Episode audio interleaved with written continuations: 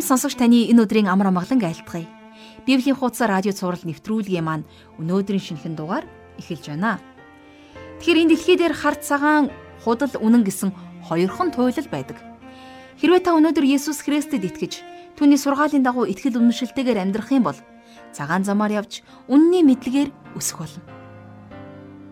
Харин худлын мөрийг мушгиж хар зам татуулах юм бол та үлдээсэн амьдралдаа харамсаж төгсгөл нь үхэл рүү хөтэлдэг замаар явах болно. Тэгэхээр магадгүй өнөөдөр бүх зүйл таны өмнө тодорхой харагдаж байгаа. Хэрвээ та луун тарих юм бол намар луунгаал хураана. Төмс хураана гэж мөрөөдөөд чирэггүй. Яг л үүний адилаар та худал хуурмаг үн цэнгүй ихтгэл үнэмшлэр амьдарч чад төгсгөлд нь сайн сайханд хүрнэ гэж бодож байгаа бол энэ асар том эндүрэл. Та юу тарина? Түүнийгэ хураах болно гэж Библиэд яг энэ тухай маш тодорхой хэлсэн байдаг. Амьдрал бол баллуур ашиглахгүйгээр зурж сурах урлаг юмаа гэж нэгэн алдартай хэлсэн байдаг. Тэгэхээр та магадгүй яг одоо өнгөрүүлсэн амьдралаа баллуурдмар санагдчихэж болох юм. Эсвэл үлдээсэн мөрөөрөө бахархжээж болох юм. Аль нь ч байсан би танд нэг л замыг санал болгож байна. Та Есүс Христэд итгэснээр хизээж харамсахгүй маа. Хизээж баллуурдахгүй мөрийг үлдээх болно. Ягаад тэгэхээр Есүс Христ өөрөө таны өмнөөс бүх гим нүгэл, бүх буруутгамаар зүйлийг чинь загалмай дээр өөрийнхөө амиар баллууртчихсан. За ингээд өнөөдрийн шинэ хичээлдээ орцгоё. Бид өнөөдөр Колосой номынхоо 1-р бүлгийн 18-аас 24-р ишлэлийг хамтдаа уншиж судлах болно. Ингээд энэ цагийг бурхан дүргэж хамтдаа залбирцгаая.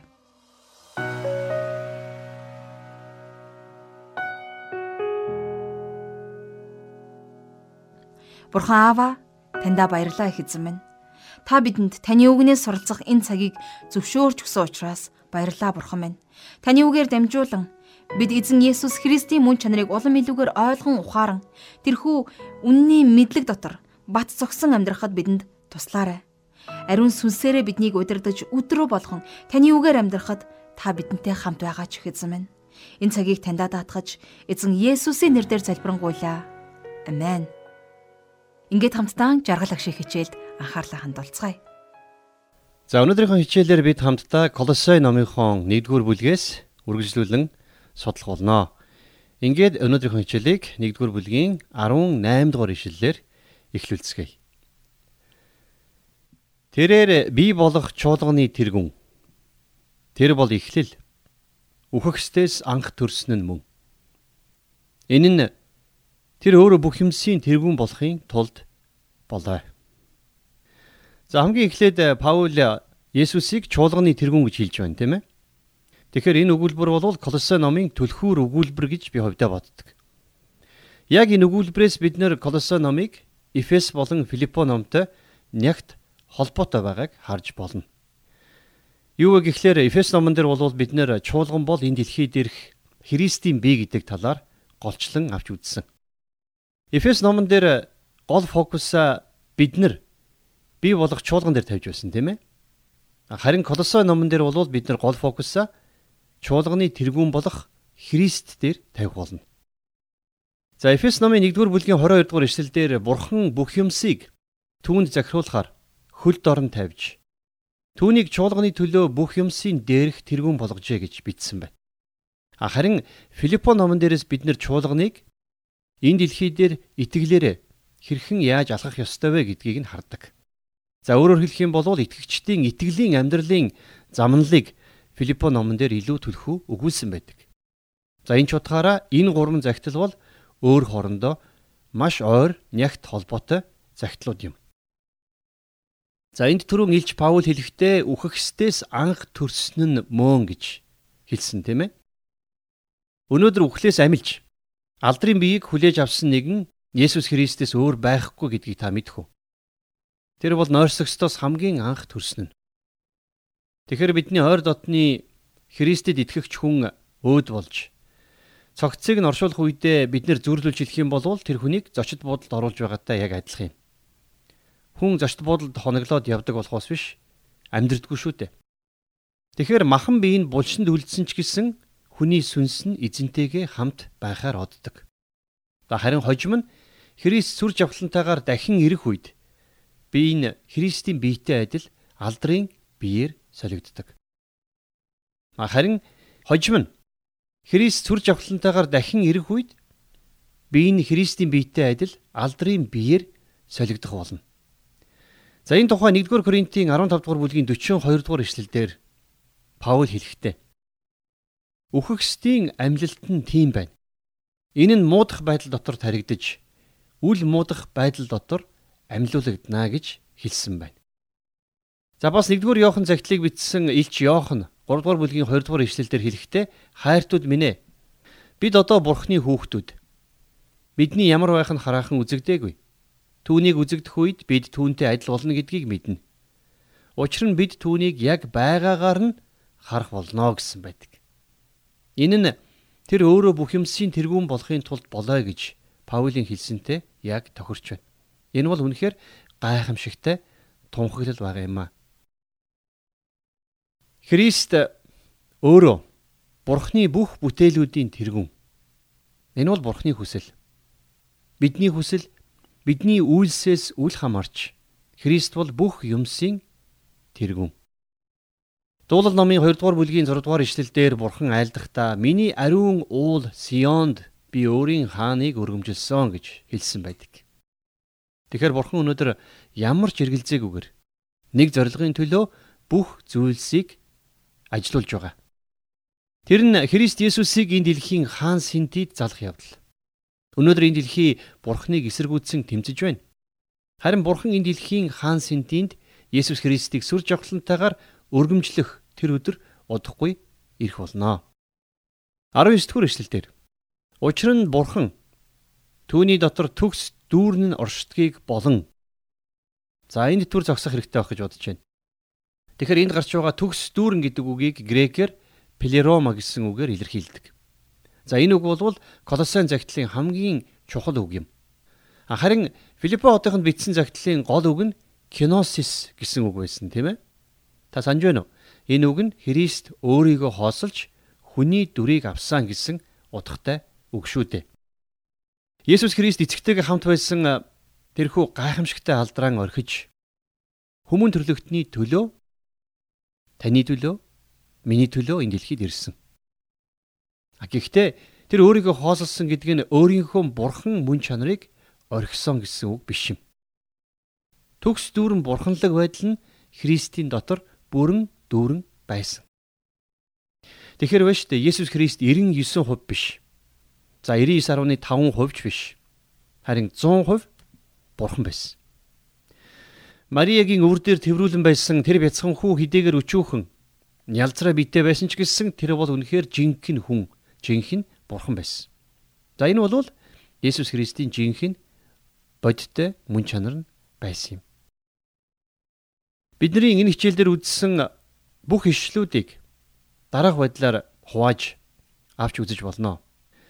За Колосай 1-р бүлгийн 15 дугаар ишлэлээс бид нэр Христ болон түүний бурхан эцэг хоёрын хоорондын харилцааг олж харж чадна. Харин 16-аас 17 дугаар ишлэлдээрээс бид нэр Христ болон за түүний бүтээлүүдийн хоорондын харилцааг харах боломжтой. А тэгээд 18-аас 19 дугаар эшлэлдэр Христ болон чуулганы хоорондын харилцаа хамаарлыг өгүүлдэг болвол харин 20 дугаар эшлэлдэр Христ болон загалмайн харилцсан хамаарлыг өгүүлсэн байдаг. За тэгвэл одоо хамтдаа Есүс Христ бидний төлөө яг юу хийсэн бэ гэдгийг харцгаая. За 20 дугаар эшлэлдэр Түүний загалмайн цусаар амар амгалан тогтоон.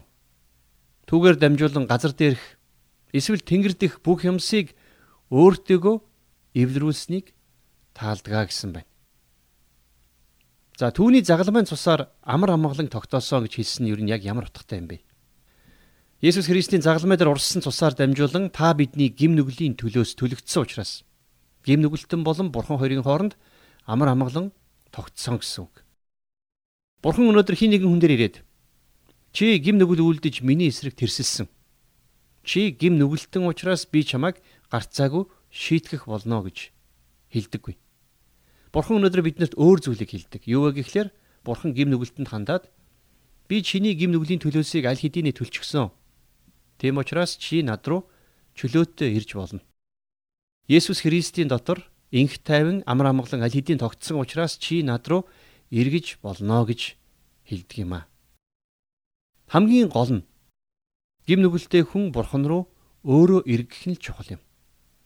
За тийм л учраас Илч Паул Ром хотынд бичсэн загтлынхан 5 дугаар бүлгийн 1 дугаар ишлэлдэр хэлэхдээ Тиймээс итгэлээр зөвтгөгдсөн бид нар бидний эзэн Есүс Христээр дамжуулж бурхантай эвлэрсэн билээ гэж их тодорхой хэлсэн байдаг. Тэгэхээр энэ эвлэрүүлэл бол Христийн загалмай дээрх цусаар дамжуулан хийгдсэн гэдгийг битгий мартаарай.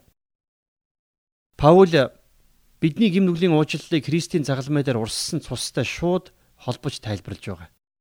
Христийн цусаар дамжуулаад гим нүглийн төлөөс айл хэдийнэ төлөгдсөн учраас хэрвээ бид нар өөрсдөө бурхан руу эргэх юм бол бурхан биднийг ямар ч саадгүйгээр хүлээж авна гэсэн үг. Есүс Христ загалмай дээр урсгасан цусаараа та бидний гим нүглийн бүх төлөөсийг төлсөн учраас зөвхт бурхан биднийг уучлж өөртөө хүлээж авах боломжтой болсон юм а. Бурхан гим нүгэлтэй хүмүүсээс өөсөв хайж тэднийг яаж игэж шийтгэхийг хүсдэг өөдгөө нэгэн бишээ. Харин ч эсрэгээрээ бурхан биднийг гараад илгэн хүлээж авдаг. Над руу ир. Би чамд амралтыг өгье гэж бурхан хэлдэг юм. Илж Паул хэлэхдээ бүх юмсыг өөртөөгөө эвлэрүүлсэн гэж хэлсэн байгаа тийм ээ. Тэгэхээр бурхан хүн бидэнтэй эвлэрсэн учраас бид нар авралыг авах боломжтой болсон. Өнөөдөр бурхан бүх хүмүүст хандаж би та нартай эвлэрсэн. Харин та нар надтай эвлэрэх үү гэж асууж байгаа. За өөрөөр хэлэх юм бол Есүс Христэс болж бурханы зүгээс ямар ч саад байхгүй болсон гэсэн үг. На одоо харин эцсийн шийдвэр зөвхөн хүмүүс та бидний гартал үлдсэн байна. 2 дугаар Коринт номын 5 дугаар бүлгийн 18-аас 20 дугаар ишлэлдэр Илч Паул ингэж хэлсэн байна. Бүх юмс Бурханаас байгаа юм. Тэр Христээр биднийг өөртөөгөө эвлэрүүлж бидэнд эвлэрлийн үйлчлэлийг өгсөн байна. Яагад гэвэл Бурхан дэлхийг Христ дотор өөртөөгөө эвлэрүүлж хүмүүсийн гин бурууг үл харгалзсан бөгөөд эвлэрлийн үгийг биднэрт даалгасан билээ. Тиймээс бид Христийн төлөөх элчин сайд нар юм. Бурхан биднээр дамжуулж ятгах байгаачлан бид Христийн төлөө та нараас гуй. Бурхантай эвлэрцгээ гэж хэлсэн байна. Их олон хүмүүс Бурханы тааллыг олохын тулд ямар нэгэн зүйлийг хийх ёстой, эсвэл буян бүтээх ёстой гэж боддог л доо.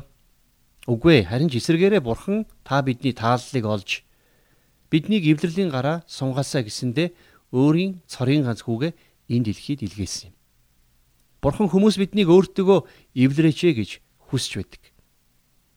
Тэгэхээр Паулийн хэлсэн бүх юмсыг өөртөөгөө эвлэрүүлсэн гэсэн үгийг өөр зарим хүмүүс буруугаар ойлгож Бурхан бүх хүмүүсийг аврах юм байна гэж эндүрч байна. Тийм биш ээ. Энд гарч байгаа бүх юмс гэж тэгвэл яг юу юм бэ?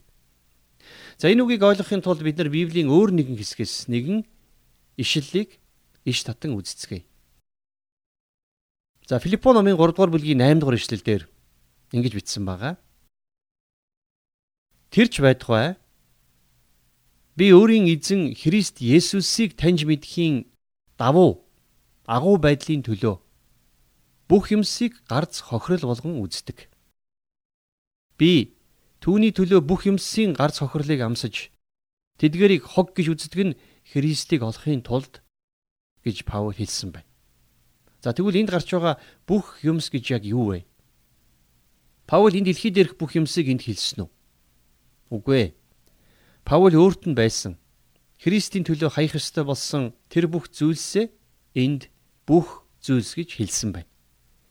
За өмнөх ишлэлүүд дээр нь Паул шашны хэрэгм зэргийн дагуу өөрт нь байсан бүх зүйлсийг хэрэггүй хог гэж үзэж байсан. Паул өөрт нь байгаагүй зүйлийг алдна гэж байхгүй шүү дээ. За тэгвэл бидний сая уншсан Колосон номын 1-р бүлгийн 20 дугаар эшлэлдэр газар дээрх эсвэл тэнгэр дэх бүх юмсыг өөртөөгөө эвлэрүүлсэнийг таалдгаа гэж Паул хэлсэн байна. За тэгвэл Паул энд бүх зүйлс гэдгийг газар дээрх болон тэнгэр дэх гэж тодруулсан байна, тийм ээ? Харин газар доор гэж энд байхгүй байгаа үстэй. Эфес номын 1-р бүлгийн 22 дугаар эшлэлдэр Паул бас нэг ийм ишлэлийг хэлсэн байдаг. Бурхан бүх юмсыг түүнд захируулахаар хөл дор нь тавьж түүнийг чуулганы төлөө бүх юмсийн дээрх тэргүүн болгожээ гэсэн байдаг. За тэгвэл түүний хөлн дор тавих бүх юмс гэж яг юу вэ? Филиппо номын 2 дугаар бүлгийн 10-аас 11 дугаар ишлэлээс харьцуулан харах юм бол энэ нь Есүсийн нэрт Тэнгэрт байгаа. Газар дээр байгаа. Газрын дор байгаа бүх юмс өвдөг сөгдөж мөн бүх хэл Бурхан эзгийн алдрын төлөө Есүс Христ бол эзэн гэж хүлээн зөвшөөрөх ёстой учир ажээ гэж хэлсэн байна.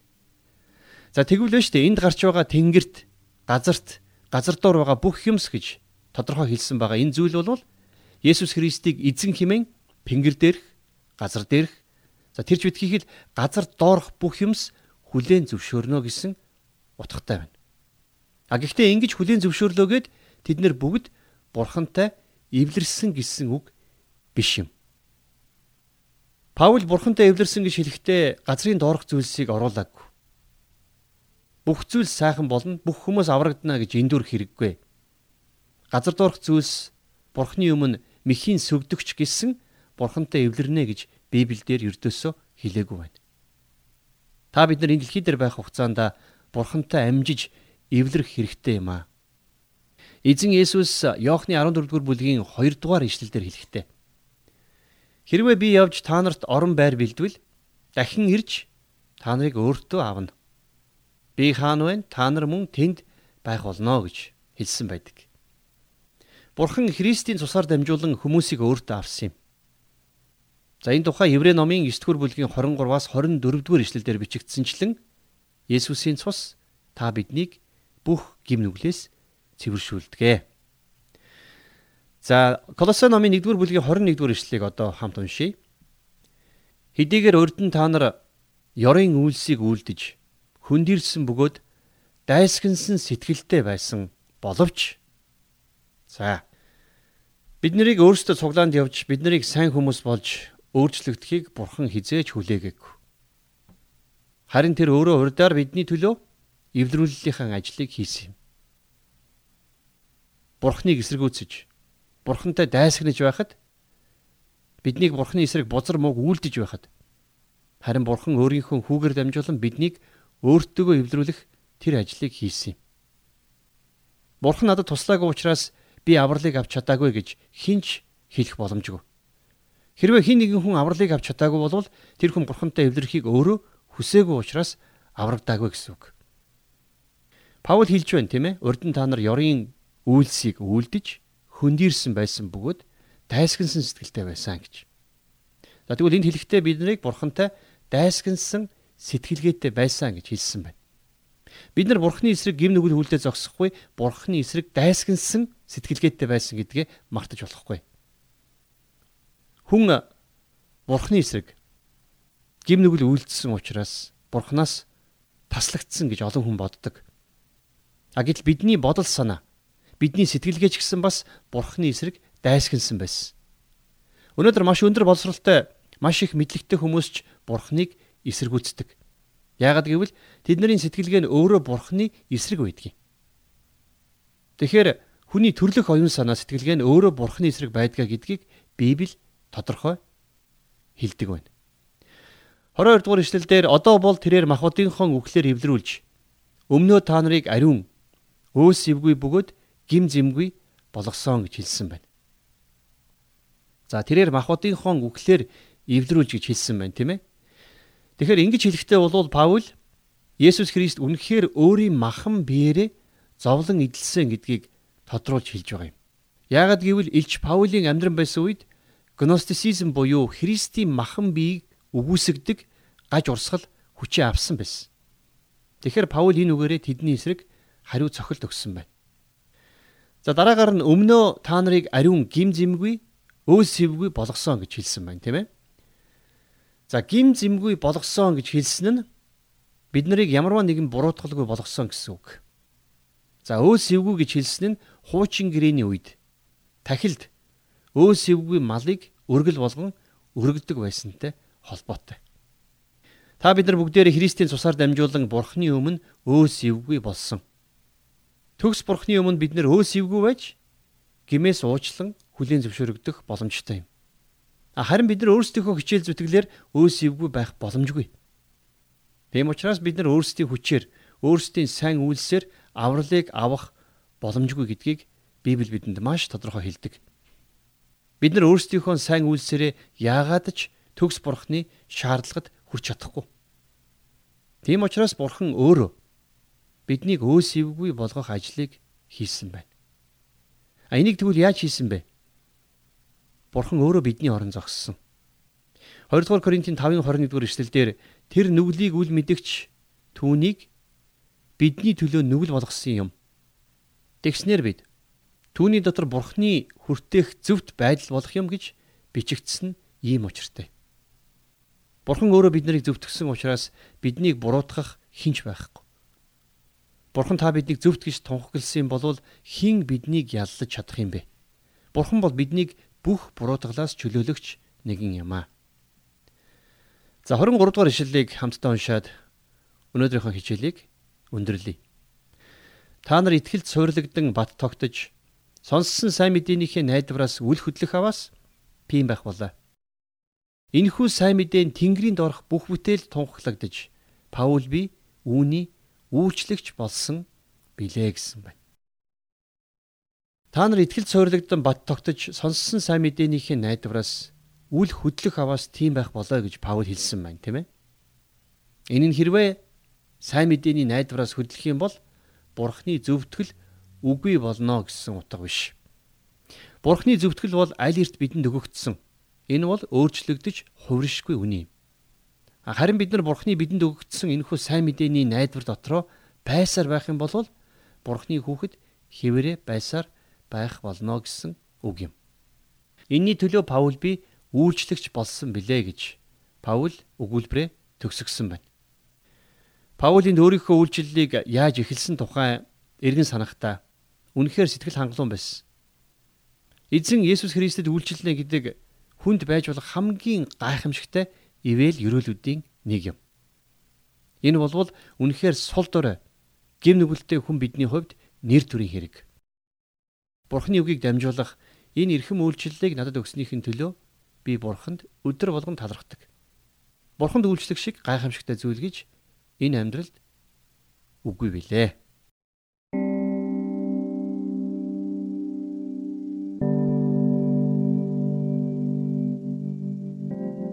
Тэгэхээр хүмүүс бид амьдралдаа олон сайн мэдээг сонсож, олон сайн үйл хэрэг бүтээхийг хүсдэг. Тэгвэл таны хийсэн бүх гим нүгэл алдаа дутагдлыг Есүс Христ цагаатгаж, Бурхантай хамт эвлэрсэн гэдэг бол хамгийн сайхан мэдээ. Анхны хүн Адамын гим нүглээс болж Бурхан хүн хоёр тусгаарлагдсан. Харин энэхүү тусгаарлалтыг биеэрээ урж тусаа урсган байж Бурхан хүн хоёрын дунд эвдрлийн гүүрийг барьсан нэгэн бол Есүс Христ юм. Та Есүс Христийн энэхүү үйл хэрэгт итгэх юм бол таны хийсэн бүх муу мухай зүйлд цайрч та бурхантай эвлэрнэ гэж боддоо. Энэ бол бидэнд үнгүүгээр ирсэн хамгийн сайхан мэдээ. Тэгэхээр үнгүүгээр ирсэн энэ сайхан мэдээг бусдад үнгүүгээр өгнө гэдэг бол хүмүүс бидний үйлдэж болох хамгийн сайн үс. Өнөөдөр та гуйлга гүйж суугаа хин нэгэнд өглөг өгснөөр тэр хүний тухайн өдрийг аварч чадна. Харин тэр хүнд мөнх амьд хүргэх Есүс Христийн Бурхан хүн хоёрыг эвлэрүүлсэн тухай сайхан мэдээг хүргвэл тэр хүний амьдралыг бүхэлд нь аварч чадна. Тэгэхээр та Есүс Христэд итгэж Бурхантай эвлэрсэн бол энэ итгэл найдвараа та битгий гээгээрэй. Харин хараахан итгэж амжаагүй байгаа бол та өөрийгөө хоослоод түүний сайн мэдээг ойлгох гэж хичээгээд үзээрэй. Ингэснээр танаас юу ч унахгүй. Та юугаа ч алдахгүй. Харин та энэ дэлхийн хамгийн үн цэнтэй эрдэнсийг Библиэс олох болно. Энэ хүрээд өнөөдрийн хичээл маань өндөрлөж байна. Сонирхолтой нэгэн хичээлийн төлөө Бурханд талархал өргөж залбирцгаая. Бурхан Аава, таньда өнөөдрийн төлөө талархаж байна. Та биднийг гим нүгэлтнүүд байхад өөрөө биднийг аврахын тулд өөрийнхөө хүүг энэ дэлхий рүү илгээсэнд баярлалаа Аава. Биднийг та авралдаа багтаагаа зогсохгүй. Танд өгүүлчлэх боломжийг өгсөнд баярлалаа Бурхан минь. Тимээ таны шарахаар бид эдгээгцэн гэж тунхаглаж байна таньдаа талархал магтаалыг өргөж эзэн бид үргэлжлүүлэн урамтайгаар баяртайгаар үйлчлэх болно гэж таны ариун сүнсний өмнө таны хаан сэнтийн өмнө бид тунхаглаж байна. Их эзэн минь таньдаа талархаж байна. Бидний үйл хэрэг, бидний аим амьдралаар дамжуулан их эзэн минь та алдарш болтугай. Бүх зүйлийг танд өргөж эзэн Есүсийн нэрээр залбирanгуйлаа. Амен.